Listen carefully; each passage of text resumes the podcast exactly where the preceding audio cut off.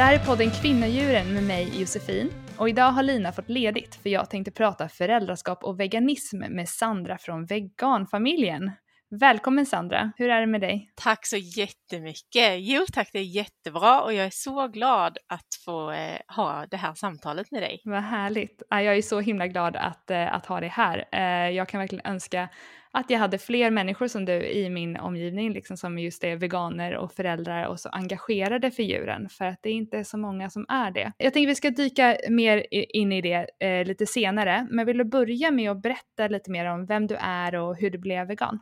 Absolut, och först vill jag bara säga detsamma. Jag känner precis samma eh, längtan efter fler bekantskaper där man har det här gemensamt. Det är så värdefullt. Mm. Jo, men Sandra heter jag. Jag hade ingen aning om vad veganism var för, låt oss säga, eh, fyra år sedan. Mm. Jag skulle vilja säga att jag inte hade en aning egentligen. Jag hade inte stött på någon vegan hade inte liksom hört talas om det särskilt mycket. Jag har säkert hört ordet, men jag hade inte särskilt bra koll på veganism. Det är pinsamt men sant. Mm. Jag lever ju tillsammans med eh, min man.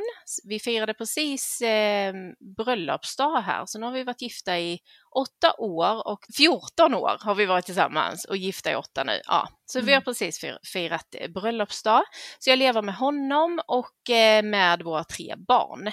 Alva som snart fyller tio, Vilde som precis har fyllt sex år och eh, Elvis som eh, fyllde fyra i februari. Och vi levde som en helt vanlig familj, hektiskt liv, men vi levde liksom i den här eh, köttätarnormen, hade inte en tanke på ja, men djurindustrin eller eh, klimatpåverkan eller någonting, utan vi, vi var så här lyckligt ovetande. Och eh, sen så var ju jag då eh, föräldraledig, för jag hade precis fött eh, Elvis, han var ungefär fyra månader. Eh, och jag var hemma med honom ensam och eh, Alva och Vilde var på förskola och eh, då satt jag och eh, kollade på eh, Netflix. Mm. Jag minns inte vad jag sett innan men så kom det upp som förslag, Cowspiracy, efter det jag hade tittat på innan. Eh, så jag satt där och ammade och hade liksom, jag ja, men försökte återhämta mig och vila lite. Så då, ja, men jag slog på den där Cowspiracy för den hade jag hört talas om att den var så kontroversiell. Mm. Eh, så jag tittade på den och eh, blev helt bestört över det här eh, informationen om hur djurindustrin påverkar klimatet och vår enda planet på det förödande sättet som den gör. Eh, jag kände mig så eh, otroligt lurad jag kände mig förd bakom ljuset, att jag inte hade fått bättre koll på kopplingen mellan djurindustrin och eh, klimatet. Mm. Och då sitter jag ju där med då mitt tredje barn som jag precis har fört till världen. Och det enda jag ville var ju att mina barn ska få en ljus, härlig framtid, få må bra och få absolut leva på en välmående planet. Mm. Men just den där aspekten hade jag inte ens reflekterat över förut utan den hade jag bara tagit för given, lite så. Mm. Och helt plötsligt så bara kommer den här äh, enorma rädslan som bara sköljer över mig för hur ska barnens framtid se ut och hur bidrar jag till att deras framtid ska se ut? Mm. När jag känner väldigt starkt för någonting så är inte jag en person som väntar liksom. Utan jag bestämde mig där och då för att jag skulle bli vegan. Att utesluta alla eh, djurprodukter mm. utifrån klimataspekten. Eh, Sen ammade jag ju och eh, hade små barn så jag var ju otroligt eh, osäker, rädd. Hur ska jag få i mig tillräckligt för att mitt barn som diar liksom eh, ska kunna få i sig allt han behöver. Mm. Hur ska mina småbarn kunna ställa om till en växtbaserad kost? Går det ens? Massor med frågor, massor med rädslor återigen. Mm. Men eh, jag minns väldigt tydligt att den dagen blev ju liksom eh, totalt livsförändrande. Och eh, min man kom hem från jobbet du vet, en helt vanlig arbetsdag för honom. Han kommer hem och jag möter honom i hallen bara, idag blir jag vegetarian med ambitioner att bli vegan så fort som möjligt. Typ så här. Alltså det första han sa var att ja, men jag kommer i alla fall aldrig sluta äta kött. Mm. Alltså vi hade gått från LCHF liksom. Mm. Eh, och var riktiga, riktiga köttälskare. Liksom. Mm. Eh, så det, han blev ju livrädd där, för herregud, vad ska hon nu påverka mig här till? eh, men eh, jag sa bara, nej men alltså du får göra vad du vill, men jag måste göra det här. Så. Mm. Och sen gick det en tid, alltså det är jättesvårt att veta hur lång tid. Men både jag och Magnus eftersträvar ju liksom att, alltså i vår relation, att ha en tvåsamhet. Mm. Jag tänker att man kan leva i ensamhet fastän att man lever tillsammans med någon. Men liksom vi vill eftersträva den här tvåsamheten, att vi ska dela med oss av liksom vårt känsloliv och sånt som händer inom oss, inte bara rent det logistiska med barnen och de praktiska bitarna, vem lagar mat, vem fixar tvätten, inte bara det utan att vi faktiskt delar livet eh, mm. på alla plan, eller alla plan, men så, så mycket vi kan. Liksom. Mm. Så efter ett tag så bad jag faktiskt honom att titta på den eh, eh dokumentären, Cowspiracy. Mm. Eh, bara för att eh, förstå vad jag hade sett och vad jag hade liksom eh, förstått. Och då, eh, det vill han gärna göra. Så vi tittade på den, så jag kollade på den tillsammans igen med honom och eh, jag minns att eftertexterna rullade där och då frågade jag liksom, men alltså hur, hur känner du nu? Vad tycker du om filmen? Liksom. Mm. Och han bara säger att, eh, nej men nu kan jag ju aldrig mer äta kött. Mm. Och jag, alltså på riktigt, alltså detta känns så fjantigt, men mm. jag älskar det här fjantiga liksom så för att det som hände var att jag kände liksom en sån eh, helt ny typ av djup kärlek för honom. Att mm. han kände samma liksom värdering i det, han hade samma engagemang, han ville inte heller för barnens skull liksom bidra till någonting fruktansvärt. Och vi, så jag kommer ihåg att jag så här, omfamnade honom och sen ställde vi oss och dansade tryckare i vardagsrummet. typ, jag kommer inte ihåg om det var till eftertextljudet eller om det var liksom till någon annan musik eller någonting. Men det var verkligen så här, ja men vi möttes på ett nytt plan som vi aldrig hade mm. nått varandra på förut. Ett existentiellt plan på något vis. Liksom. Mm. Han uttryckte ganska direkt där hopplöshet. Mm. För att, ja men vad spelar det för roll egentligen? Jag vill ju inte göra, jag vill ju inte bidra till det här längre, men vad spelar det för roll på det stora hela? Vi kommer mm. inte kunna rädda planeten eller liksom våra barns framtid bara genom att vi fem i familjen ställer om till en växtbaserad kost. Och då blev det så tydligt för mig, jag kommer ihåg jag sa till honom att nej, det kommer vi inte kunna göra, men jag känner i alla fall för min del att jag behöver kunna se mina barn i ögonen om säg 20 år när de får leva med konsekvenserna av mm. våra livsval eh, så behöver jag kunna säga att jag eh, gjorde vad jag kunde i alla fall. Jag mm. kan inte svara så här om de frågar, men mamma vad gjorde du då? Visste mm. du inte? Då kan jag inte säga att jo, jag visste, men alltså det kändes så jobbigt med en omställning. Jag mm. kan inte svara det. Alltså, jag tänker exakt lika. Alltså exakt lika. Ja. Men, hur, men hur, hur gick det att få med dem på tåget liksom? Hur, vad, vad hände sen och hur blev ni veganfamiljen? Ja, det hände ju väldigt snabbt det här. Den här dagen när jag hade sett Cowspiracy första gången, då talade jag om för Alva då som skulle fylla sex Eh, och så sa jag så här, vet du Alva, nu har du varit på förskolan och lärt dig en massa saker och vet du, jag har lärt mig helt nya saker idag som jag inte hade en aning om. Eh, för det tycker jag är viktigt att man som vuxen också talar om att det alltid finns utvecklingspotential och att vi inte vet bäst i allt utan så. Mm. Eh, och då så sa jag att eh, jag visste inte att det vi äter kan vara olika bra för vår planet.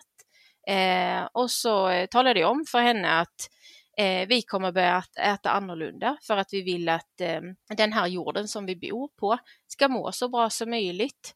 Eh, och så kommer jag ihåg att vi pratade bland annat om regnskogen, så där, att den, man kan tänka att det är som, som jordens lungor liksom mm. och att eh, det vill vi ta hand om och, och, det gör vi på bästa sätt genom att inte äta eh, kött och jag tror inte ens jag sa djur då för jag var inte där än liksom. Ja, det, det började totalt på miljöaspekten liksom. Helt och hållet. Mm. Och Alva var ju helt fantastisk där. Jag tror att det, det, jag återkommer hela tiden till detta att det viktigaste tror jag för oss har varit att få med barnen genom att de får liksom information om vad som, vad som händer, att de får den här känslan av sammanhang, att Eh, det är inte bara att vi helt plötsligt berövar dem någonting utan att vi ger dem en förståelse för varför vi gör mm. en förändring. Och hon förstod ju det att ja, men det låter ju bra att vår jord som vi bor på ska må så bra som möjligt och det vill vi ju gärna bidra till. Jag kommer ihåg hon började storgråta en gång när hon hade fått en ballong på Coop tror jag det var.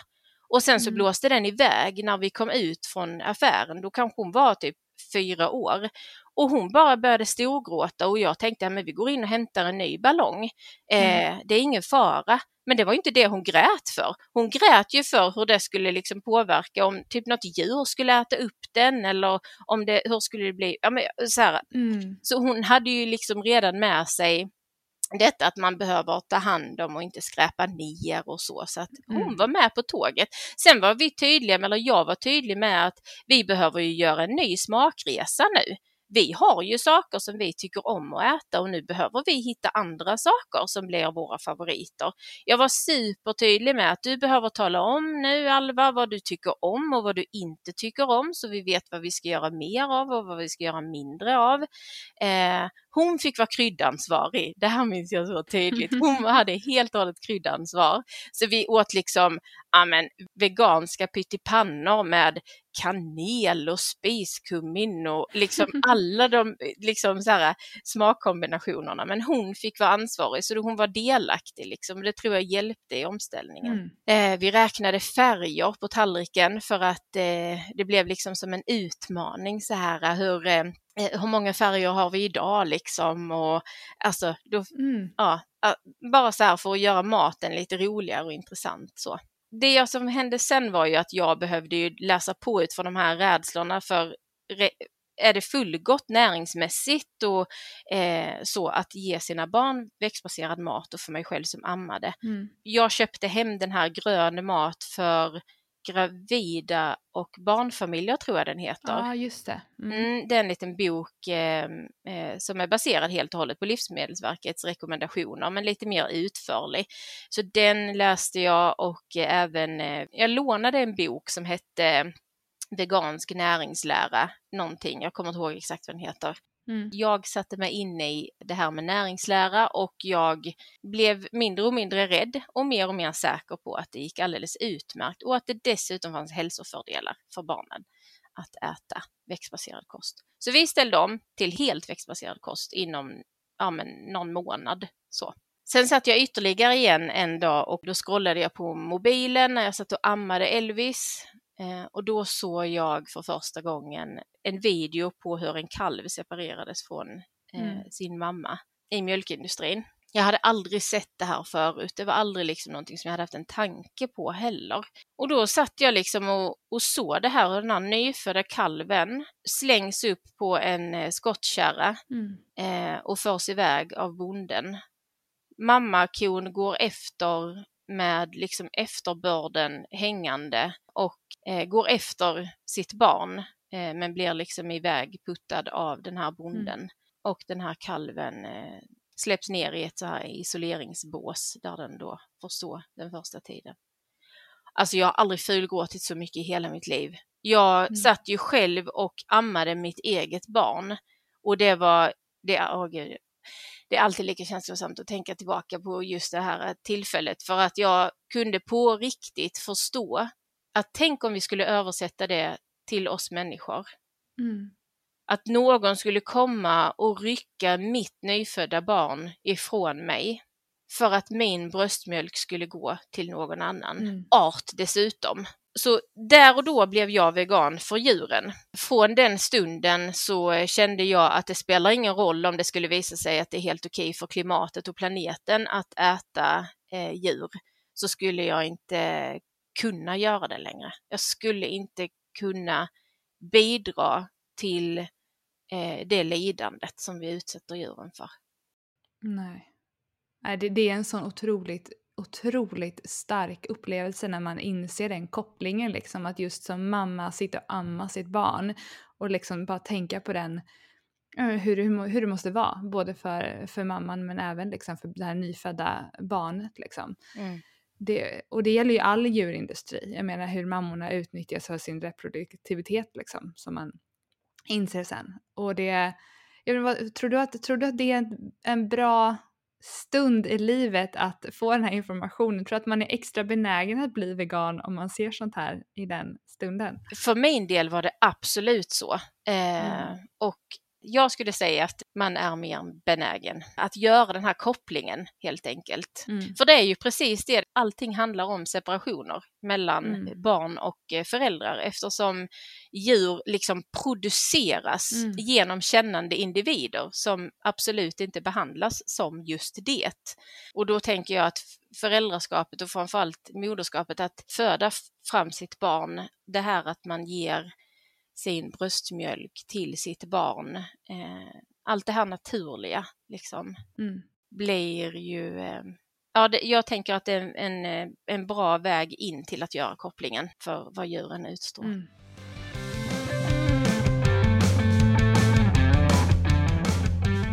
Och när vi ändå är inne på det här med mejeriprodukter så läste jag, eller jag fick ett sms eh, innan vi skulle spela in av Lina om att det här fjantiga förslaget som har varit uppe i EU om att eh, veganska och växtbaserade mejeriprodukter inte ska få heta någonting med mjölk eller ens finnas i samma förpackningar, att det slopas. Är det sant? Ja, helt, det bara slopas.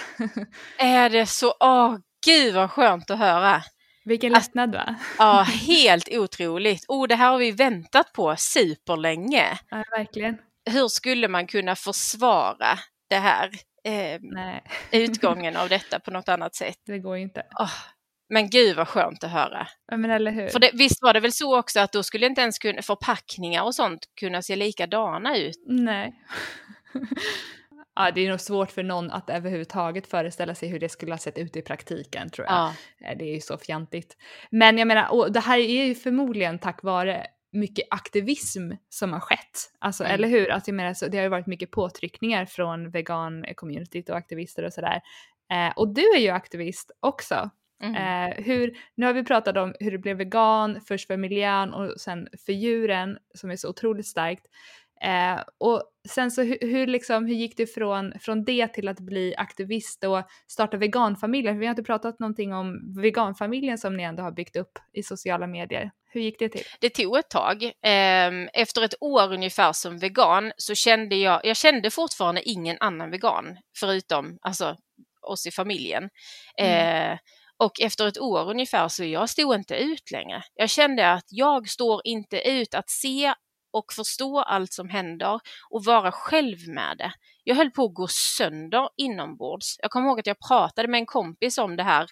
Ehm, jag gick ute i regnet och, pratade med min kompis och regnet bara föll på mig och det på något sätt speglade hur jag mådde liksom. Det här bedrövliga liksom. Ehm, jättetunga så. Eh, och försökte förklara för min vän hur jag kände. Och jag kommer ihåg att hon sa att hon, ja men jag förstår verkligen vad du menar och sådär, men hon var ju inte vegan. Eh, så så nej, men jag vet inte, jag kom till den punkten att jag står inte ut längre. Jag kommer inte ihåg exakt hur jag stötte på informationen, men bara någon dag efteråt fick jag veta att det skulle hållas en manifestation bara två mil från där jag befann mig då, för detta var på sommarsemestern. Eh, så i Kristianstad så skulle de hålla en manifestation utanför Scans slakteri. Och jag bara kände att jag måste göra någonting. Jag måste göra någonting mer. Eh, det kan inte vara så här att jag inte känner någon mer vegan, utan att vi måste Nej. bli fler veganer och hur kan jag hjälpa till så? Eh, och kämpa för djuren.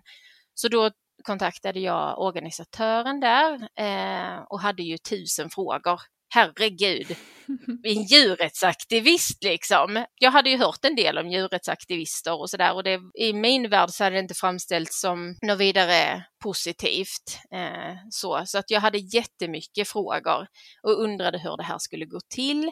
Sen visste jag att min dotter är ju väldigt eh, empatisk och eh, verkligen alltså bryr sig jättemycket om djuren och jag hade liksom på känn att om jag skulle tala om att jag skulle åka på det här så hade jag på känn att jag skulle få frågan om hon fick följa med.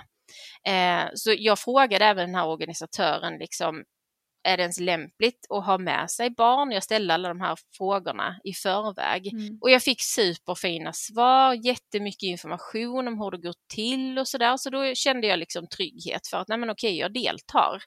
Eh, så berättade jag det för eh, Alva och jag hade pratat med Magnus innan också om alla de här svaren och så. Och vi hade kommit fram till eh, vad vi tyckte. Så. Mm. så berättade jag för Alva att, vi, att jag skulle åka på det här och som jag misstänkte så frågade hon om hon fick följa med. Eh, och jag och mm. Magnus hade ju pratat om det innan och kommit fram till att ja, men det är okej. Vi åker dit så får vi se hur det känns och skulle det kännas olämpligt på något sätt eller så här och att Alva absolut inte vill vara där eller att jag inte vill vara där eller att, nej, att det inte känns bra så åker vi hem. Men så vi deltog eh, ja, men ungefär ett år efter att vi blev veganer på vår första djurrättsmanifestation och det gjorde jag tillsammans med min då eh, sex, snart sjuåriga dotter. Vad fint.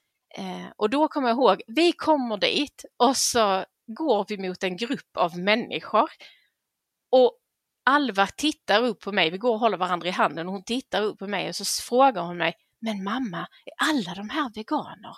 Mm. ja, det är de, det är helt otroligt. Så, det var så häftigt, alltså att eh, att, att bara få den eh, gemenskapskänslan så snabbt som du pratade om i början här. Alltså, mm. just, alltså, jag personligen känner att jag behövde det och jag fortsätter behöva det. Kontakten, gemenskapen med andra som inte bara har tagit avstånd från djurindustrin utan eh, också engagerar sig eh, för djuren för att jag hittar så mycket kraft och eh, kärlek där. Eh, mm. Så det behöver jag. Och sen var det liksom bara raka vägen in i, i eh, fortsatt aktivism. Eh, fyra dagar senare så deltog vi utanför eh, Scans slakteri här i Linköping där vi bor. Eh, mm. Och båda de här manifestationerna har ju varit tillsammans med Animal Save Sweden som är en del av eh, internationella Save Movement som finns i över 700 grupper i hela världen. Och där har vi varit aktiva sedan dess. Mm. Och sen dröjde det kanske mm, ja, men ett halvår till ungefär så eh, blev vi uppmuntrade eh, av vår eh, gode vän Martin Smedjeback att liksom på något sätt dela med oss av livet som just veganfamilj men också eh, djurrättsaktivistande veganfamilj. Mm. Eh, för att visa upp att det är fullt möjligt och helt underbart att eh, eh, leva som aktivistande veganfamilj. Eh, och det hade vi ju försökt göra på våra egna sociala medier, alltså de plattformarna. Men, det, mm. men alltså, han, han hjälpte oss att komma igång för jag är så oteknisk. Eh, på alla de här bitarna. Så vi finns ju på Youtube, Facebook och Instagram mm. där vi lägger ut videos om livet, bara som eh, om, dels om aktivismen men också vi delar med oss om det mesta liksom. Alltså mm. livet som sådant, det kan röra liksom allt från hur gör vi när barnen ska på kalas eller vad äter vi eller hur tänker vi om att barn är med på eh, djurets aktivism eller ja, men allt möjligt. Mm. Jag tycker det är så fint, du har också lagt upp vissa videor i alla fall där i början tror jag med typ bara att du reagerar på när du ser någonting hemskt, eh, någon, någon video eller vad det är. Och jag tycker det är så genuint och öppet, alltså jag älskar allting ni lägger upp och jag vet att barnen tycker om att titta, speciellt när ni med barnen liksom, när du lägger upp klipp med barnen och sånt där. De bara åh, där är så här, de, de, är också veganer och de gör det och de också engagerar sig för djuren och liksom det är så himla, himla fint. För men det, det är så få som delar med sig av just det. Och sen så tycker jag att det, er, er resa är så otroligt stark och den skiljer så, sig så från säkert många andra men kanske förhoppningsvis är det fler som gör liknande resor idag. Men jag menar, för mig som liksom blev vegetarian och engagerat mig för miljöfrågor och sånt där sen jag typ gick i mellanstadiet liksom, så är det så ofattbart och det är så häftigt att ni liksom bara vände. Bara sådär. Jag tycker det är så otroligt inspirerande och jag hoppas verkligen att att folk som lyssnar på det här och folk som hittar er eh, kan förstå att det inte behöver vara så himla svårt. Mm. Och att det faktiskt går. Mm. Att du faktiskt fick Magnus där att eh, också gå med på att bli vegan. Det, och det är många tror jag som kanske vill bli veganer men som möter just att partnern inte vill gå med på det. Har du något tips där kring hur kan man få en riktigt köttätande partner att, ja, med att gå med på att ge barnen veganskt eller ja, vad tror du där? Mm. Alltså, dels så tänker jag att det har ju såklart på vem personen är. Mm. Det jag gjorde funkade ju uppenbarligen, liksom. alltså att bara ta de här små stegen att eh, utan press på vad som ska bli konsekvensen, att bjuda in till att se sånt som har eh, påverkat mig väldigt mycket. Eller Mm. läsa om sånt som har påverkat mig väldigt mycket. För att då blir det liksom att man snarare, ja men återigen det här att, jag, att, att vi vill att vi ska förstå varandra istället för att jag skulle komma in och tala om för honom att Nej, men nu måste du också göra det här och, och du måste tillåta barnen att göra det här utan att jag tror verkligen att det handlar om det att om vi vill få till en förändring så måste den komma inifrån. Så har det absolut varit för mig. Jag vet inte, det kanske till och med någon som har sagt till mig genom livet att jag ska bli vegan. Ingen aning, men jag har inte varit mottaglig för det för att jag har behövt liksom få förståelsen för det. Och precis som för barnen så att, att ge den här känslan av sammanhang. Alltså Mm. förståelsen för varför. För att jag menar det är klart som Magnus första reaktion där att "Ja, men jag tänker aldrig sluta äta kött. Det, det talar ju så mycket för hans vana. Eh, Mm, hans, Precis. hans vana hotades, hans eh, eh, smakpreferenser hotades. Det skulle kräva någonting av honom, en ansträngning. All typ av omställning kräver ju en ansträngning. Och det Mm. tänker jag man kan vara öppen med också när det gäller veganism, att det är klart att det är en ansträngning att göra en omställning från någonting som man har levt med hela livet. Lära sig ett nytt sätt, gå, hitta de nya maträtterna som man fullkomligt älskar. För det vill jag verkligen vara tydlig med. att Både jag och Magnus, vi är liksom matälskare. Vi älskar mat Mm. liksom och det gör vår, våra barn också. Så vi vill bara vara väldigt tydliga med att man behöver inte på något sätt beröva sig själv otroliga smakupplevelser när man blir vegan. Men det kräver liksom en ansträngning för att hitta nya sätt att laga mat på, bara hitta produkterna i affären liksom. Eh, Mm. Det kräver en ansträngning, men när man väl har gjort det, för det behöver inte vara en lång eh, omställningsperiod egentligen. Det finns så mycket kokböcker, så mycket tips på nätet, det finns liksom gratis Ja men det finns ju till exempel den här tjänsten då, kan vi kalla den där, för veganutmaningen.se där man Mm. får alla de här eh, tipsen och råden och så i typ 30 dagar tror jag det. Det behöver inte vara så himla svårt men absolut det kommer kräva en ansträngning och då är ju frågan har jag tillräckligt med drivkraft till att göra den här ansträngningen? Mm. Och då gäller det ju att hitta den där drivkraften. Den kanske är annorlunda för mig än för hos min partner. Det gäller att hitta någonting som ger en tillräckligt med drivkraft för att göra den här, eh, alltså tillräcklig motivation för att göra den här ansträngningen. Mm. Men sen är det bara så himla enkelt. Men hur var det med barnen där innan han hade hoppat på tåget? Eh, jag tänker då måste ni ha ätit lite olika där i början. Vad åt barnen då? Alltså Magnus är ju bara helt fantastisk, det tycker ju verkligen jag. men han var ju verkligen så här, jag tänker inte sluta äta kött, men han kände direkt att han förstod ju på mig, jag är ju ganska verbal av mig, eh, och han förstod ju vilket engagemang och att någonting hade hänt på riktigt som hade påverkat mig, eh, att vilja göra en sån drastisk förändring. Och då förstod han också att jag gör det för att det ska bli bäst för våra barns skull. Eh, så han var helt med på att ja, ja, vi, visst, vi läser in oss på näringsläran, eh, men vi, vi är vegetarianer till, eller att barnen får vara vegetarianer tills eh, vi har läst in oss på näringsläran. Det var han helt med på, att vi kunde ha det så hemma, men att sen skulle han minsann äta sitt kött på, på jobbet. Liksom. Okej. Eh, så, så var det liksom direkt. Mhm. Det är ju jättefint. Mm. Samma dag, för jag minns den dagen då när jag hade sett Cowspiracy, då hade vi rester kvar av eh, eh, kyckling som vi hade ätit från dagen innan. Så det var liksom sista dagen, jag tror det var den 7 juni 2017 som vi åt eh, de sista djurkropparna, jag och barnen. Men när vi pratar om barnen då och det här med att välja att man ska äta veganskt. Eh, en klassisk kommentar som man får är ju att folk tycker att det är fel att vi bestämmer åt barnen att de ska äta veganskt. Eh, vad brukar du svara på den frågan?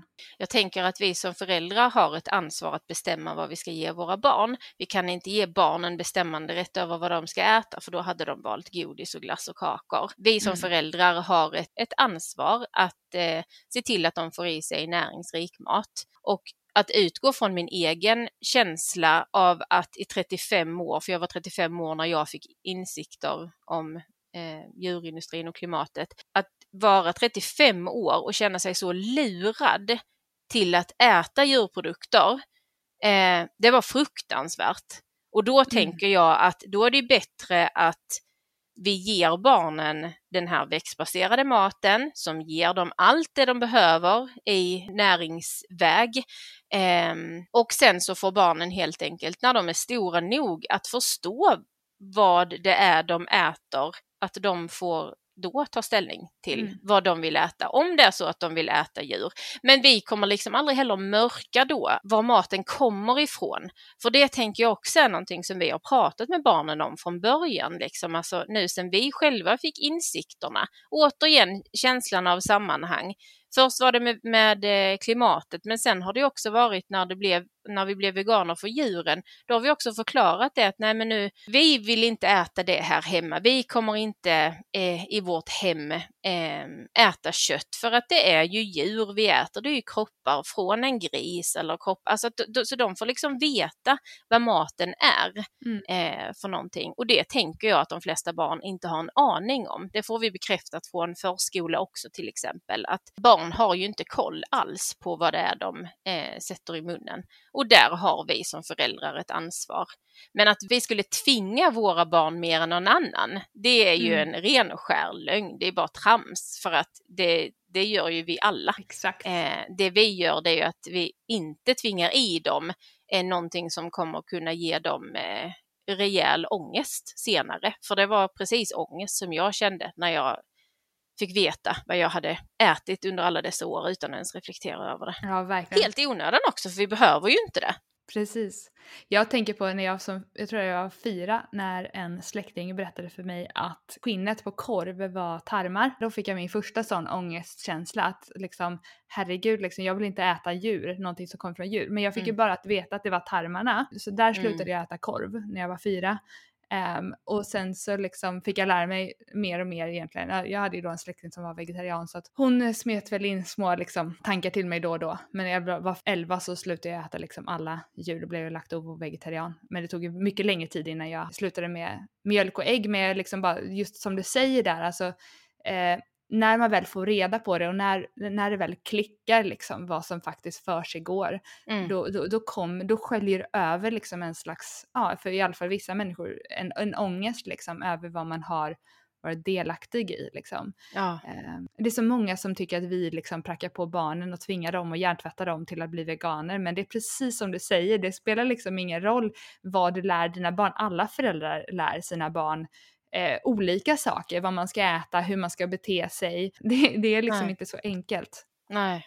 En sak som har blivit superviktig för mig, just i den här ångestkänslan av att som vuxen inse vad jag har bidragit till, alltså den var nästan outhärdlig ett tag. Mm. Eh, alltså att oj, hur många djur har inte jag ätit? Eller liksom eh, bidragit till att de ska lida och få sina barn fråntagna och så vidare. Det är ju en fruktansvärd känsla för det går inte alls i linje med mina värderingar om att jag vill att andra ska ha det bra. Mm. Och då fick jag verkligen så här, eh, ta mig en funderare kring det här och jag insåg liksom att men alltså under de här 35 åren så var det verkligen som att jag sov att jag hade ingen aning om vad jag bidrog till. Alltså man pratar ju om uppvaknande och jag tänker att det är viktigt att ta till sig liksom att när jag fick mitt uppvaknande, då kunde jag se vad jag hade bidragit till. Men jag kan ju aldrig liksom på något sätt klandra mig själv för att jag inte var vaken när jag sov. Mm, precis. Man behöver det här uppvaknandet och eh, det är precis det jag tänker motivera mig till att vara aktiv också för djuren. Mm. För att jag vet inte vilken inverkan eller påverkan som min aktivism har på andra. Men det jag försöker göra med all typ av aktivism det är att fungera som den där väckarklockan som kan ge det där uppvaknandet. Liksom. Mm. Sen är det supermånga som väljer att trycka på snosknappen men då jag försöker tänka liksom att ja men det blir kanske lite mer störd sömn i alla fall, liksom, att man blir lite mer lättväckt så. Men mm. Alltså jag tänker verkligen detta och, och likaså i förhållande till andra människor som fortsätter att äta det som kommer från djuren. Mm. Där tänker jag också att det här förhållningssättet har hjälpt mig lika lite som jag själv kunde klandra mig själv för att inte vara vaken när jag sov så kan jag inte heller klandra andra för att de inte är vakna när de sover. Mm. Eh, och då ser jag det som mitt, min skyldighet lite att eh, mm. vara den där som eh, försöker väcka dem helt enkelt. Vilken aktivism gör du mest idag? Ni har ju veganfamiljen och allting ni gör där, men är det mycket på manifestationer och sånt där fortfarande? Ja, det är vi. Nu har jag, eh, under våren har jag tagit det lite lugnare, så jag säger de senaste tre månaderna, men det har varit sedan vi fick covid och eh, sådär mm. som har påverkat eh, orkesnivån och sådär. Men annars absolut manifestationer utanför slakterier med Save Movement, men också alla andra typer av eh, manifestationer. Vi har nyuppstartat till exempel Total insyn i Norrköping som är väldigt nära där jag bor, mm. där jag har eh, för avsikt att eh, delta nu. Jag är jätteglad över hela det arbetet som Total insyn gör. Tycker det är mm. superviktigt för det är precis det jag tror vi behöver hjälpa andra. Vi behöver ju bli upplysta som sagt om vad som händer i det dolda. Då behöver vi ju se till att det finns insyn i djurindustrin på alla sätt och vis. Och Total Insyn, de, de har ju gjort en del eh, aktioner, de har gått in och filmat, eller hur? Och sen så visar de upp det materialet och Precis. vill helt enkelt kräva total insyn Exakt. i djurindustrin. Precis. Och det man kan göra då på de här manifestationerna lokalt sett, det är ju att visa upp det här materialet på eh, stan till exempel, där man eh, har många från allmänheten som passerar förbi och så. Mm. För att återigen försöka väcka. Ja, men det eh, är ju någonting som vi kommer att göra. Sen så är det, jag tänkte på det nu innan, alltså vardagsaktivism är ju superviktig mm. eh, och den försöker jag få in så mycket som möjligt. För jag menar, vi är en trebarnsfamilj med alltså hus och hem och det ska städas, det ska eh, tvättas, det ska lagas mat och det liksom alla de här grejerna. Det är aktiviteter för barnen som det ska planeras runt och eh, så, så att tiden är ju begränsad och där känns det ju superviktigt för mig att kunna bara ja, men vara djurens röst så mycket jag kan i så många olika forum jag kan. Vi ska ha en, en liten sommaravslutning med jobbet här. Jag erbjöd mig att laga maten och bjuda på den. Och det var mm. så mycket positiva reaktioner på detta. Åh, vad roligt, vad spännande att äta veganmat och så här. Och någon skrev att ja, men jag är mjölkallergiker så att det passar mig perfekt. Och eh, liksom, åh, vad roligt, jag har aldrig smakat det här förut. Alltså hur man kan få in det. Och ja, jag vet inte, ibland kan jag känna mig lite trött på mig själv över hur mycket jag pratar om um, ja, men liksom bara lyfta djurens situation. Men jag känner att de kan ju inte göra det själva. Nej. Och jag känner att jag både vill och behöver göra det. Ja, och folk blir ju trötta på en. Alltså man märker att folk ibland bara så här himlar med ögonen bara oh, there she goes again. Men jag menar alltså om, om inte vi gör om, om folk bara sitter tysta så här, alltså då kommer inte ske någon förändring.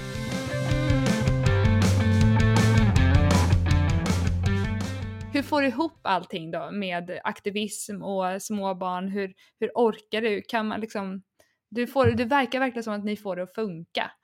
Jag tycker det är så himla fint. Och det är så mycket känslor också inblandat liksom. Ja, det är ju det. Det är ju det. Och det där går ju väldigt upp och ner, liksom både med känslor, med ork och med tid eh, och möjligheter och sådär.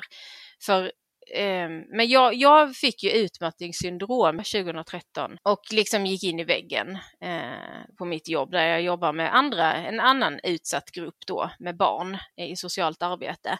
Och samma där liksom, så här, ville verkligen så här, kämpa för de här barnen och, som far illa och sådär. Och eh, gick till slut in i väggen för att engagemanget var för stort. Alltså den resan att tillfriskna därifrån eh, har ju varit otroligt viktig. Eh, jag skulle önska att alla fick den resan utan att bli utbrända innan. Sen kommer det alltid vara svårt att hitta balans när man har så mycket engagemang och så mycket driv som det ger att se elände. Mm. För mig är det så i alla fall. Eh, för då vill jag kunna bidra till förändring. Men, men ja, på din fråga, hur får man till det? Alltså hur vi får till det så är det liksom bara att det har också varit en resa hela sedan detta som vi startade veganfamiljen. Att I början hade jag jättemycket så här tankar att oh, vi måste lägga ut så här och så här mycket liksom och jag känner stress över det som blev, alltså ökade stressen det som redan finns i livet med jobb och familj och sådär. Mm. Men jag tror lite på att det behöver få vara så när man börjar med någonting nytt så behöver det få vara liksom att okej, okay, man gör något och så blir det, nej men så inser man att nej men nu gör jag för mycket. Då får jag dra ner på det, då kanske man känner att nej men nu gör jag inte tillräckligt, alltså nu kan jag göra lite till och så testar man så gör man lite till och så, så, så tills man hittar den där balansen. Men att skippa släppa hela den här prestationstanken tror jag är så himla viktig, eller den är jätteviktig för mig. Ibland är det bästa jag kan göra för djuren att säga nej, att inte göra någonting, att bara vila, att bara slötitta på TV, Eh, liksom, det, det, kan vara det bästa jag kan göra för djuren i längden. För att det funkar inte heller att jag bara ska hålla nu intensivt i fem år utan mm. För djurindustrin kommer liksom inte avvecklas och att vi kommer inte få en vegansk värld utan det här onödiga lidandet och dödandet eh, inom en snar framtid, utan det här arbetet måste pågå länge. Då är det mitt ansvar också att se till att vi är liksom eh, aktiva på ett hållbart sätt. Mm. Så ibland har det fått vara sådär eh, mer intensiva nivåer som när vi har, vi har anordnat eh, djurrättsläger till exempel två år i rad. Mm. Arbetet inför det, det är mer intensivt. Eh, sen behöver det vara en återhämtningsperiod där det bara är så fokus på liksom, att inte göra någonting mer än att bara liksom, vara med familjen och alltså verkligen fokusera på att sitta och rita, spela spel, alltså bara vara med barnen eller liksom gå till skogen på utflykter och sånt. Sånt gör vi alltid liksom, men att nästan ibland i perioder liksom koppla bort helt att nej men nu, nu är jag ledig, precis som man tänker i vilket arbete som helst liksom. Mm. Att man kan inte jobba konstant. Så. Nej, det är väl problemet generellt tror jag för många aktivister att när man väl vaknar upp och vill engagera sig för djuren, så, eller i andra sociala rättsfrågor också, ja. men, eh, men jag tror speciellt bland djurrättsaktivister att det blir ett sånt plötsligt uppvaknande liksom och att man dyker ner i det och jag tror att många dyker ner väldigt djupt och sen så kanske de inte orkar ta sig upp liksom och, eller orkar inte fortsätta sen. Och jag, tar, jag pratar också ofta med, det, med folk om det, att det är så viktigt att vi är hållbara för att, så att vi orkar i längden liksom och att det, det, är, det är jättebra att du bara tar en kväll och ser någonting på tv eller gör precis vad du känner för liksom. Så man mm. måste hitta sitt sätt att återhämta sig på liksom för att mm. orka mm. det. Det är så viktigt. Ja, jag känner liksom någonting som jag har fått lära mig är ju den här att lära mig kroppens signaler. Eh, mm. Och när kroppen liksom skriker med megafon, liksom, alltså mm. sluta nu eller sen bara lägger av tvärt, då har det gått för långt. Det handlar ju om att hitta och lära sig lyssna på de här mer subtila signalerna. Eh, mm. och sen faktiskt följa dem. Jag brukar ju tänka så här, för det är ju lätt att man man driver sig själv för hårt tror jag generellt sett. Att man inte är riktigt lika mån om sig själv som man är mån om andra.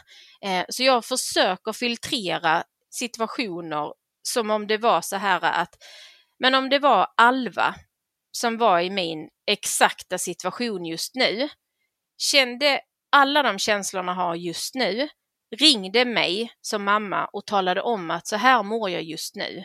Vad skulle jag råda Alva att göra då? Mm, så bra. Om hon är helt energilös och bara gråter och är liksom helt på botten, skulle jag på riktigt säga åt henne, men kämpa lite till, kämpa lite till. Aldrig skulle jag göra det. Inte en eh, och det behöver inte vara liksom att filtrera det genom, alltså hur, att det skulle vara som genom mitt barn, utan eh, men bara någon som man bryr sig om. Liksom. Hur skulle jag råda den här personen att hantera den här situationen? Och sen är ju det svåra att efterleva det. Men på något sätt så blir det lite som en speedbump, alltså att eh, i det här att bara lätt gasa på och bara köra vidare. Men att ge sig själv den funderaren, men att vänta nu, om det här var någon jag brydde mig om som sa de här sakerna, vad skulle jag säga då? Mm. Och följa det. Jag tror jämförelse också är jäkligt farligt alltså. Det är lätt också att man börjar jämföra sig själv med andra. Man kommer in i aktivismvärlden, ser personer som jobbar heltid som aktivister. Jag har varit så fiffig att jag har genom livet jämfört mig med alla människor runt omkring mig. Så jag har tagit de bästa egenskaperna från alla människor Och sen mm. har det tillsammans varit det jag har strävat efter och tänkt att jag måste prestera och vara. Men jag har helt åsidosatt liksom alla de sämre egenskaperna de har eller så bristerna och så som andra människor har. Jag har bara gått på vilka styrkor har de. Det kan till exempel då vara någon som jobbar som heltidsaktivist då är det det jag ska upprätta, liksom, eller så här, uppnå. Eh, mm. Att jag också ska göra lika mycket som den personen. Men jag ska också vara bäst på arbetet som jag har mitt, mitt eh, lönearbete. Som mm. den som gör liksom, barnutredningar bäst, då ska jag göra det också liksom, och göra mitt bästa för barnen där.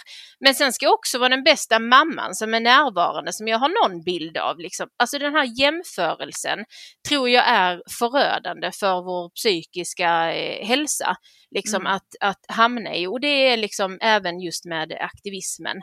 För att man vill så mycket. Mm. Det är också någonting som jag har tagit med mig att fan, jämför dig inte så jävla mycket utan låt dig inspireras av andra men var realist i, i vilka förutsättningar har du själv då? Liksom. Och framförallt lyssna på kroppen och och som sagt, ibland kan det bästa vara att avstå. Då gör du bäst nytta för djuren. Ja, jag kunde inte ha sagt det där bättre själv alltså. det är så jävla rätt som du säger med den här bilden. Alltså man gör ju det. Ja. Eller vissa av oss gör det. Mm. De gör ju sådär, det är klart att jag också kan det. Ja, ja, men de gör ju det där, det är klart att jag också ska kunna det. Men hur ska du kunna göra allt det på samma gång? Det går ju inte. Nej. Nej.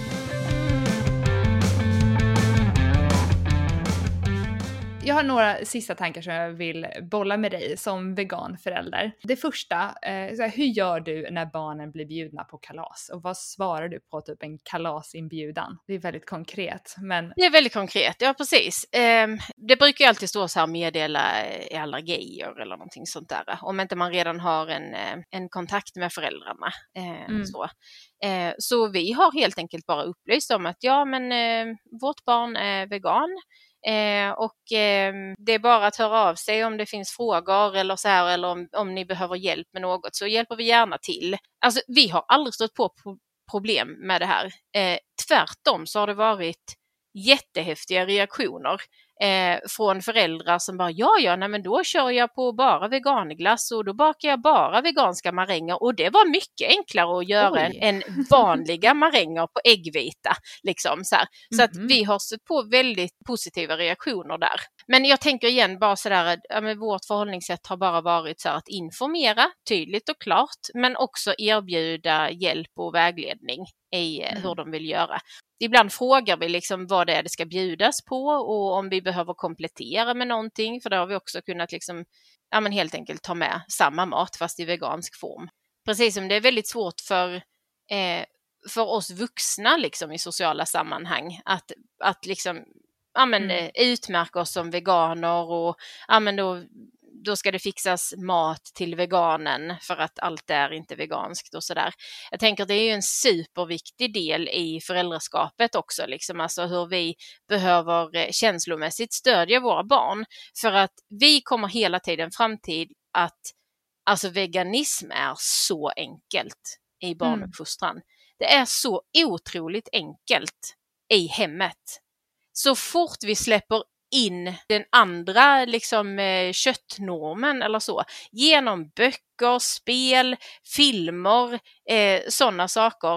Eh, eller när, när vi lämnar hemmet och möter den här normen utanför. Mm. Då kommer ju barnen vara de udda, de som eh, eh, som sticker ut och, eh, och avviker från normen. Och där är det liksom, det skulle jag säga typ det största arbetet med att vara förälder till veganbarn, även i de här kalassammanhangen då. Eh, mm. för det har varit ibland liksom att ja men då kanske inte barnen har fått exakt samma sak på kalaset för att världen har sagt att ja men vi fixar allting, vi löser det.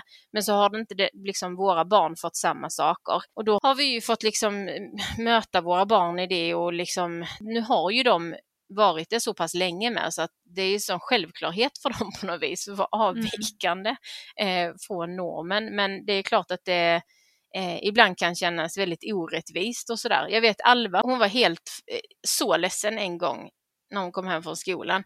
Då hade alla andra barn fått äta kebabtallrik och hon hade fått broccolisoppa. Va? Ja, alltså det får ju inte hända. Inte. Så vi har fått ha så kontakt med köket till skolan och för att helt enkelt återigen alltså vägleda och stödja dem i hur de ska kunna göra det bättre för våra barn. Men vi måste ju vara de här eh, som talar även för våra barn för att det ska bli så bra som möjligt. Och det är ju sånt som icke-veganer slipper. Mm. När man lever efter norm så slipper man alla, alla de här sakerna. Liksom. Mm. Alltså det är precis det där när man lämnar hemmet, för här hemma är vi de normala och mm. vi vill gott för djuren och för planeten. Och så går man ut och så är det skräp på gatorna och det är halvätna hamburgare och folk sitter där och du vet, de går och dricker en kaffe med komjölk och du vet, alltså, och, och allting är bara så normalt för alla andra och vi ser typ bara lidande liksom för planeten och djuren överallt. Har det funnits några svårigheter kring det? Jag tänker, eh, jag tror det var någon video som ni la upp med fiske, eh, att typ att din pappa eller någon fiskar. Du kan få berätta lite mer om det strax, jag ska bara tänka klart. Um, ja men liksom, ja men sådana såna normer liksom i samhället, liksom sommargrejer som att fiska eller ja men annat. Va, va, hur har ni tänkt kring det och vad, vad gör ni liksom? Återigen så är det ju väldigt enkelt för oss. Vi har ju våra aktiviteter. Vi mm. har ju, alltså vi älskar att göra roliga saker liksom. Eh, mm. Tramsiga, flamsiga, riktigt liksom såhär barn liksom nivå saker så. Eh, jag tror inte att vi berövar våra barn på några härliga upplevelser, eller det vet jag att inte vi gör. Mm. Men de deltar ju inte i aktiviteter som många andra barn gör. Eh, som till exempel eh, fisketurer eller eh, turer till djurparker eller eh, sådana saker. Utan, men vi gör ju andra saker. Vi veganfiskar ju till exempel. Vi hittar ju en sån här liten grej ja, där man... Vad var det? Ja, men en liten fisk, en liten behållare som i en form av en glänsande fisk som man sätter på en eh, metspölina och eh, fyller med eh, fiskmat. Liksom. Eh, det är bara för att liksom sitta där en liten stund och se om, om man ser några fiskar som kommer fram och äter på den här maten. Liksom. Men det är så många som till exempel fiskar som pratar om att man gör det för att det är så rogivande att komma ut i naturen. Alltså vi kan ge barnen den rogivande eh, upplevelsen och ja absolut, nu har vi, nu har vi köpte vi den grejen, den här veganfiskegrejen bara för att visa att om man nu så absolut vill sitta och meta så finns det här som ett alternativ. Men vi hade inte ens mm. behövt göra det utan det finns ju så många andra härliga sätt att, att bara njuta och, och eh, känna ro i naturen. Vad tänker liksom. ni om typ fiskedamm och sånt på kalas? Ja, det är väldigt spännande. Jag vet, jag såg någon tråd på sociala medier någonstans om vad man kunde kalla det istället eller så här. Jag kommer inte ihåg om vi har haft det sedan vi blev veganer. Däremot så hade ju jag vet att Vilde, typ första året som vi var veganer så önskade han sig bara en sak. Och det var ett sånt här fiskespel, mm. sånt där man med små metspön eh, fiskar upp små plastfiskar som öppnar och eh, gapar och stänger munnen. Mm. Det var det enda som stod på hans önskelista.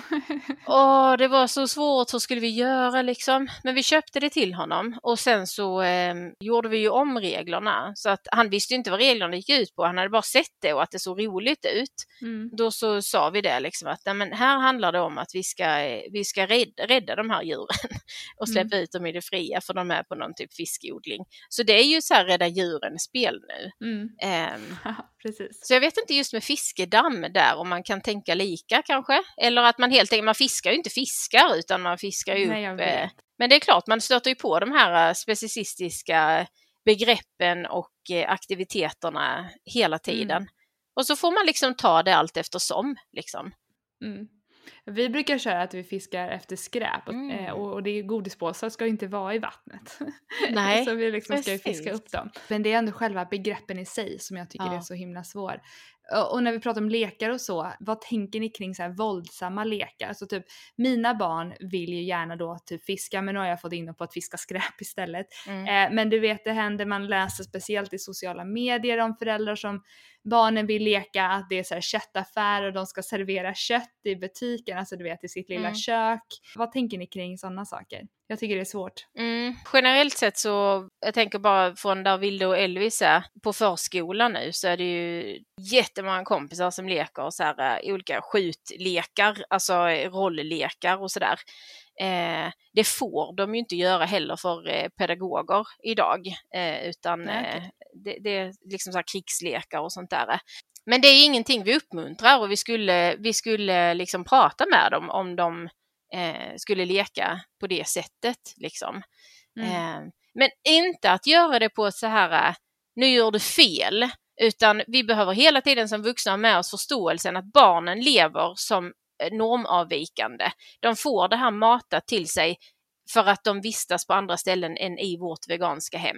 Mm. Eh, så det kommer automatiskt alltid finnas med och det tänker jag är viktigt att man har med sig. Så man kan liksom inte heller lägga det ansvaret på våra barn att sålla liksom och förhålla sig till det här eh, på ett eh, sätt där de inte, alltså de kommer ju påverkas helt enkelt. Så. Mm. Men bara att man pratar med dem och så här, eh, liksom kanske frågar, men vad är, vad är det för lek och varför ska vi leka att vi ska skjuta varandra, vad händer om man skjuter någon? Och, ja, men, jag vet inte, men vi, det har, mm. än så länge så har det inte varit så mycket sånt, eh, tack och lov. Men din, fortsätt, säg din fråga igen där, för det var någonting annat jag jo, tänkte men, på. Men typ också det här med att de, jag vet inte om dina barn har lekt att de ska, att de serverar kött eller att de äter kött eller djur, alltså i, i leksaksköket. Det, de har inte en sån period nu, men de har verkligen haft det liksom. Ja, nu ska mamma handla och det finns bara kött här. du vet. Hur, har du stött på det och vad hade du gjort i den situationen? Nej, det har vi inte stött på skulle jag säga. Eh, det har, jag vet barnen säger vi äter ju gött, vi äter inte kött. Eh, ja. Så, ja. så att det, allting är ju göttbullar och göttfärssås och liksom, alltså så. Så att nej, de har aldrig fokuserat på det. Eh, vi har ju i deras lilla kiosk och sådär som de har så eh, hade de ju innan eh, fisk och någon kycklingklubba och sådana grejer innan vi blev veganer. Eh, mm. Som vi rensade bort bara rent så naturligt då för att men om inte vi äter det så känns det ju konstigt att vi leker att vi äter det. Så vi liksom bara rensade bort det där eh, väldigt mm. eh, naturligt. Men sen jag tänker att skulle det hända så det är samma där. Vi vill liksom skapa en trygg miljö här hemma. Vi vill att barn ska kunna komma hem med och berätta om alla saker som de går och bär på. Liksom. Mm. Nu kommer de inte göra det för det gör inget barn. Men Nej. vi vill skapa en miljö där vi inte blir arga eller dömande eller någonting om de gör sånt som de säkert vet att inte vi tycker är bra. Mm. Utan att barn kommer ju utmana. Då behöver vi ju bara liksom prata med dem och bara finnas med där som vägledning. Jag gillar ordet vägledning för det är det vi behöver göra med barnen. Vi behöver vägleda dem genom allting de är med om. Liksom. Mm. Mycket hellre det än uppfostra liksom. Ja, precis. Mm. Jag tror det bara är viktigast att inte lägga en så stor vikt vid det. Om man går in i det för mycket bara, nej men så gör inte vi här och liksom så. Jag tror inte man vinner på det. Jag tror bara att man får kanske spela mer lite och eller så här, ja. Eh, någon gång har jag gått all in åt andra hållet och liksom låtsas att jag är, att jag är en T-rex som bara sliter någon i stycken och då blir de bara så här chockade bara så där gör inte mamma.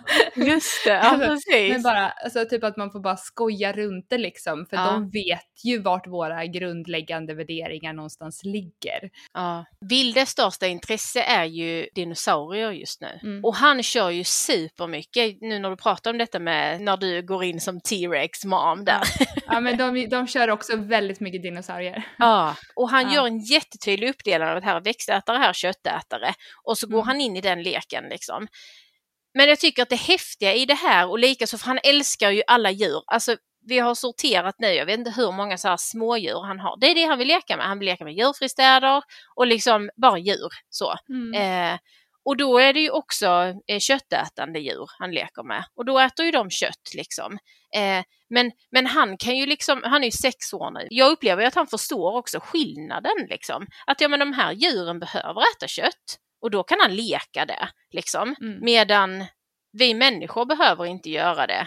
Så jag är liksom inte orolig för att han att han blir förvirrad där på något vis. Nej. För det, jag tänker att det är någonting som vi liksom så ändå har jobbat med, liksom att vara tydliga med för barnen att vi behöver inte göra, vi behöver inte äta kött. Liksom. Mm. Men det behöver Tyrannosaurus rex, eller behövde den till exempel. Ja. Eller en, eh, ett lejon. Mm. Det pratar jag jättemycket med barnen om och jag har ofta just den utgångspunkten. Eh, och just därför så, jag menar, då kan man ju gå in och alltså i leken vara en T-rex-mamma liksom, eller en lejonmamma som till och med ibland äter sina ungar. Och där tror jag att jag gick för långt en gång.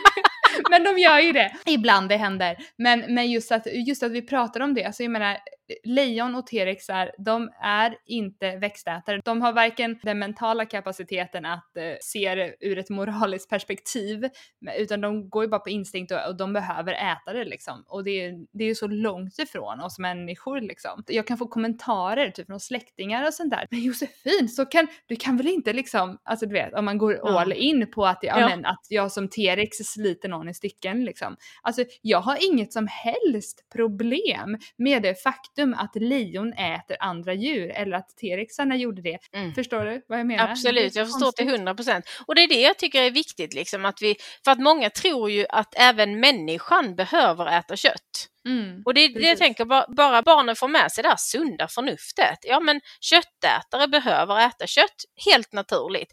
Vi behöver inte göra det, helt naturligt. Liksom, att mm vi är veganer. Liksom. Jag tänkte också på detta med, ehm, förutom det här fiskespelet då, som eh, Vilde han önskade sig, så har det ju varit, jag har ju kvar min gamla bondgård som jag fick när jag var liten eh, som mm. leksak. Och den har vi kvar. Eh, och den är ju barnens, eh, Vilde och Elvis favoritleksak. Eh, Men den är ju ingen bondgård längre utan den är ju en djurfristad. Och jag tänk, har tänkt så många gånger på detta att barn som leker bondgård mm. leker ju djurfristad. Ja. Det är ju inget barn som vet hur det går till på en bondgård, mm. helheten. Det kommer ju inte dit djurtransporter och för, hämtar djuren och så ska de föra dem till slakt. Vet du det sjuka är Josefin, jag eh, hittade jag på en sån här köp och säljsajt en eh, djurtransportleksaksbil. Eh, som jag köpte. Bara för att jag vill inte något annat barn ska leka med det, men också för att jag tänkte att det kan vara en vinst för djuren att eh, på något sätt synliggöra det här. Liksom att mm. Det finns till och med liksom djurtransporter som alltså kör djur till slakterier eh, som leksak för barn. Såg den ut som en riktig liksom? Ja. Med... Ja. Stod det djurtransport på också?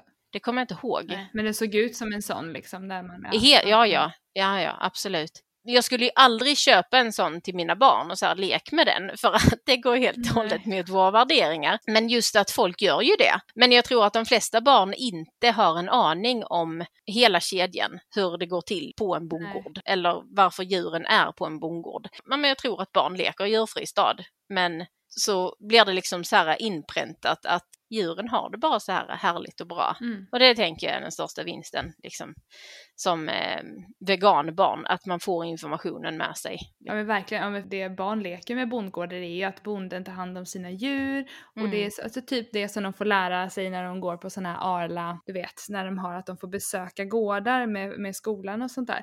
Eh, det är just det, alltså barnens bild av en bondgård, det är, det är där man går och hälsar på djur och söta och klappa grisar och liksom, de får ju verkligen inte hela bilden. Nej. När Alva gick i förskoleklass så eh, skulle ju de åka på ett studiebesök till en Arlagård. Då hade vi varit veganer i kanske ja, ett drygt halvår och vi förde samtal där med läraren och eh, även med rektorn hade jag samtal med eh, för att problematisera hela den här biten med varför man eh, förskönar Eh, bilden för barnen och eh, jag till och med frågade så här eh, när jag fick till svar att ja, men detta är för att barnen ska förstå var maten kommer ifrån.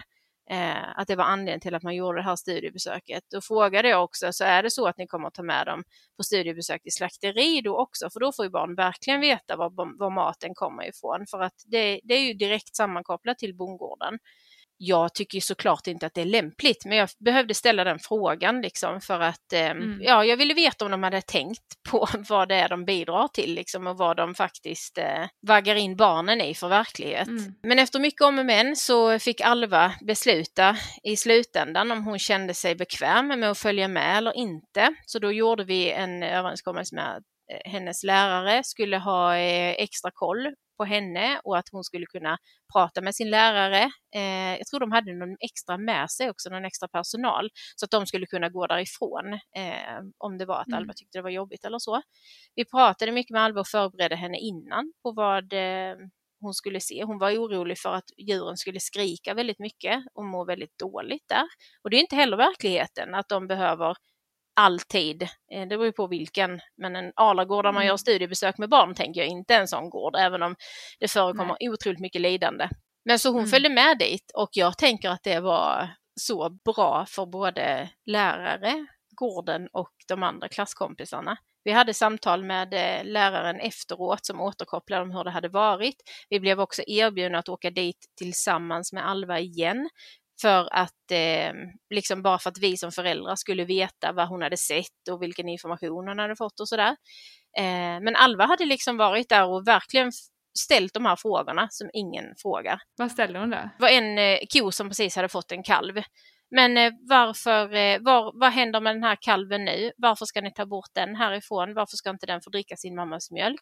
Det kom någon transport och skulle hämta några djur på, med när de var där under tiden. Alva frågade vart de djuren skulle någonstans och ja, hon ställde liksom alla de här frågorna som de inte skulle få den eh, informationen om, om hon inte hade ställt de här frågorna helt enkelt. Liksom. Mm. Så jag tänker det är också så jäkla häftigt hur hur våra barn, bara genom att de är generellt sett mer upplysta än de flesta vuxna, mm. alltså även om vi låter inte dem se de värsta bilderna eller så här, men vi, vi talar om ändå de här stegen som sker för att allt annat skulle vara att föra dem bakom ljuset. Liksom. Det är ju så häftigt när de är så upplysta och är bland andra icke-veganer och ställer de här frågorna och är sina egna små aktivister liksom. Eh, mm. och sp sprider medvetenhet, tänker jag. Mm. Förutsatt att de, att de vill göra det naturligtvis. Alltså, det är ju ja, inte... ja, ja. Och de här frågorna som Alva ställde, det var ju för att hon själv ville veta det från bonden. Det var ju inte för, alltså vi hade ju inte pratat någonting om utan att vi, det enda vi fokuserade på innan det var så att hon skulle känna sig trygg liksom. Och att är mm. det någonting du undrar över då frågar du över det eller så liksom går du till din fröken mm. om det inte känns bra och så. Liksom. Jag tycker det, känns svårt med tanke på de här äh, gårdsbesöken om man, om man kommer hamna där. Eh, vi får väl se, jag vet inte om alla gör det. Jag vet inte hur jag skulle hantera det men det var bra, bra tips. Ja, jag tyckte ändå att det blev bra. Vi gjorde ju, vi gjorde ju en grej av det och liksom pratade och verkligen problematiserade det. Sen vet jag inte vad man har gått vidare med det, men i alla fall jag tänker att fler föräldrar skulle nog behöva göra det. Eh, mm. Så att det också märks att det finns en påtryckning. Eh, att man kan absolut lära barn om var vår mat kommer ifrån och vem mm. maten var liksom, förut på andra sätt än att, eh, att åka på förskönade studiebesök.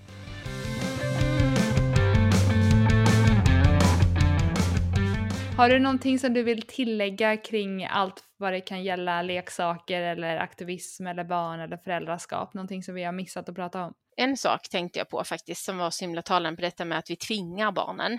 Mm. Efter ungefär ett år som veganer så hade Alva glömt hur eh, alltså djurkropp smakade. Jag tror vi hade pratat om att hon hade glömt om hur kyckling smakade.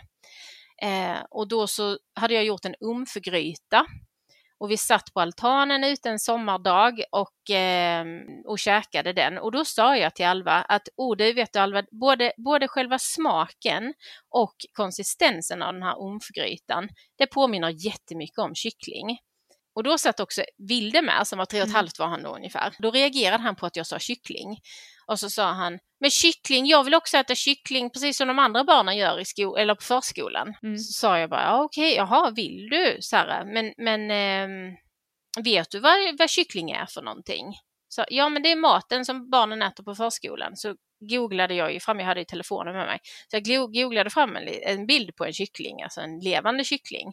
Ja. Det hemska är att när jag googlade på kyckling så var det mm. bara recept på kyckling som dyker upp. Man behöver söka levande kyckling för att få en bild på en mm. levande mm. kyckling. Om man bildgooglar så kommer det bara upp massa så här kycklingben och hela, hela flodda eh, döda liksom kycklingar. Ja, det är så hemskt. Mm.